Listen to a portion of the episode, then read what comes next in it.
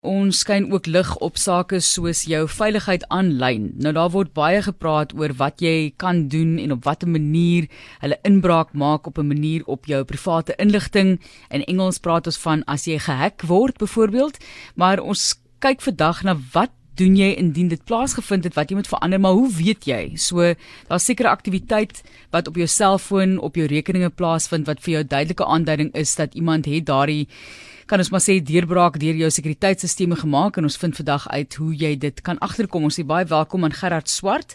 Hy is die hooftegnologiebeampte by die Kubersekuriteit Maatskappy Performanta. Baie welkom Gerard.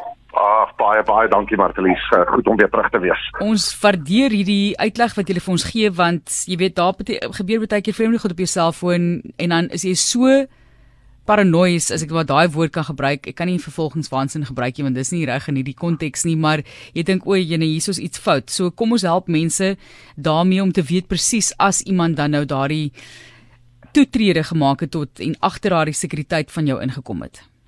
Ja, kyk, en um, dit is baie baie goeie punt hierdie. Die eerste ding waarna ons uh, of wat 'n mens gewoonlik na moet kyk is en en ons sien dit gereeld op Facebook. Ehm um, jy sien mense sit op hulle profiel moenie uh my friend request weer aanvaar nie want uh my rekening is gehack. Dit is tipies wat ons sien. So een van die eerste syne dat dat daar probleme is is dat uh, hierdie met hierdie boodskappe gestuur word na ander mense toe wat jy nie gestuur het nie. Um die ander ding is en ek en ek sien dit ook meer en meer op op op my selfoon as ek op die internet is dat hy stuur jou sommer na 'n ander site toe wat jy nie eens ingesit het nie en dan nog 'n probleem is jy kan skielik nie meer in jou rekening uh inlog nie soos soos Gmail as 'n voorbeeld. Jy kan glad nie meer in dit inkom nie. Um jy weet jy sien hierdie transaksies op jou bankrekening wat net nie goed lyk nie. Dit is dit is gewoonlik 'n groot probleem. Um een van die goedjies wat bietjie minder uh, gebeur is hulle noem dit 'n SIM swap. Dit is wanneer hulle jou selfoon maatskappy kan ooreed om om jou selfoon SIM kaarte te swap Ehm um, maar gewoonlik moet hulle deur 'n klomp sekuriteitsvrae gaan vir dit en dit is nie so maklik nie, maar dit kan ook gebeur. En dan natuurlik die groot enetjie ook is as jy eintlik 'n boodskap kry van iemand wat sê, hoorie, ek het jou altyd al jou inligting gekry, gee vir my geld of jy kry dit nie terug nie. Ja, mense is so bang, jy weet jy jy sien hierdie vreemde aktiwiteite. Ek dink daai Facebook ene byvoorbeeld met die friend request is 'n baie belangrike een en ek dink mense vergeet baie keer daarvan. En dan gaan jy en dan kan jy sien op so 5 of 6 mense wat jy ken wat ook al ja gesê het vir hierdie versoek. En dan dink jy, "O, okay, wel miskien het hulle maar net 'n nuwe rekening oopgemaak en jy aanvaar ook." So asseblief maak altyd 100% seker. Daar is soveel maniere hoe hulle kan toegang kry en hierdie hierdie is nou net die bietjie raad wat jy gekry het om te weet wanneer iemand wel toegang gekry het gekry het tot jou sisteme. Ons gaan ook nou-nou 'n bietjie gesels oor wat jy moet doen en hoe vinnig jy dit moet doen. Gerard, hoe vinnig moet jy optree die oomblik as jy dink daar was fout en na wie toe gaan jy? Want mense is maar mos maar bekommerd, dit hang af wat die instansie is, dit hang af of dit sosiale media rekeninge is of dit jou bankrekening is. Ja, kyk, so die eerste ding wat jy altyd wat almal moet altyd onthou is verander jou paswoord soos ons sê gereeld en ek sal voorstel ten minste elke 30 dae. Dit is die eerste ding wat ek sal doen.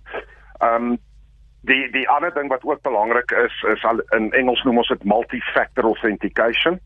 En as ons kyk na ons banke byvoorbeeld, wanneer ek 'n nuwe paaiement laai, moet ek dit eers goedkeur deur 'n kode in te sit of wat ook al die bank gebruik.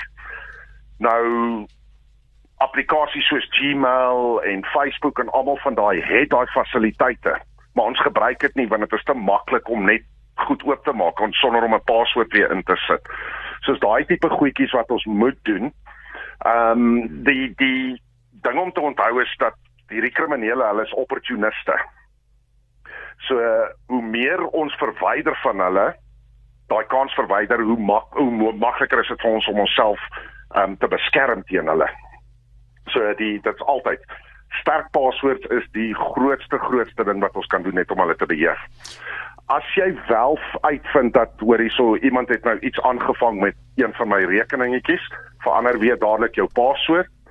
Jy kan dit rapporteer aan die polisie, maar um, ons uh, ons is nog nie so goed soos ander lande om hierdie goedjies te uh te keer en verder op te volg en hof toe te gaan en sulke dinge nie, maar ek dink ook jy mense wil dit sommer doen nie behalwe as jy nou groot geld verloor het. Nou jy het verwys na 'n sterk uh, wagwoord of password. Wat behels dit? Um so moenie jou naam gebruik as 'n voorbeeld met 'n paar letters nie. Gebruik liewers iets soos 'n soos 'n phrase, soos ons sê.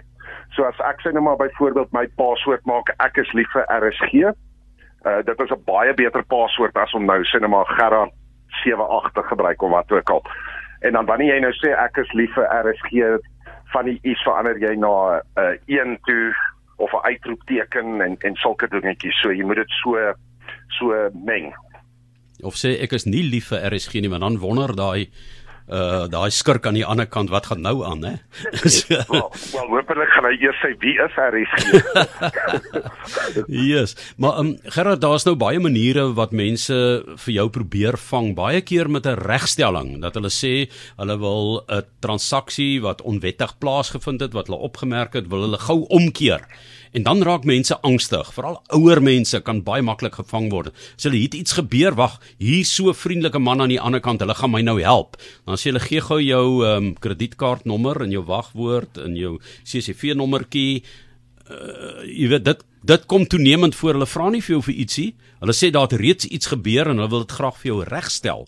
Is dit 'n algemene manier ook van om jou inligting te bekom of in te kom in jou inligting? Ja, absoluut. Daar is selfs mense um wat uh, uit India uit wat hulle doen is hulle vra vir jouself um toegang na jou rekenaar toe. So hulle vra vir jou om hierdie applikasie in te sluit uh, uh, te installeer op jou masjien en dan vat hulle sommer jou masjien oor nadat jy klaar in jou bankrekening in, ingeskryf het en hulle maak net droog op jou goedjies en dan hou hulle jou wat ons sê ransom tot hulle tot jy vir hulle 'n sekere hoeveelheid geldjies gee en dan gee hulle alles terug vir jou. So dit is baie algemeen veral in lande soos Engeland, ehm um, Kanada, uh, Amerika, Australië en dit is besig om opname te neem in Suid-Afrika ook. Ja. So moet nooit enige inligting oor die foon gee wat privaat is nie, veral jou ID-nommer, jou jou adres en en sulke dinge. Hierdie mense wat jy gekontak het, wat nou hierdie probeer, hulle is onderstel om hierdie inligting te hê. So jy vra hulle liewer, hoorie, wat is my ID-nommer? En anders sal dit nie vir jou gee nie, druk net die foon dood.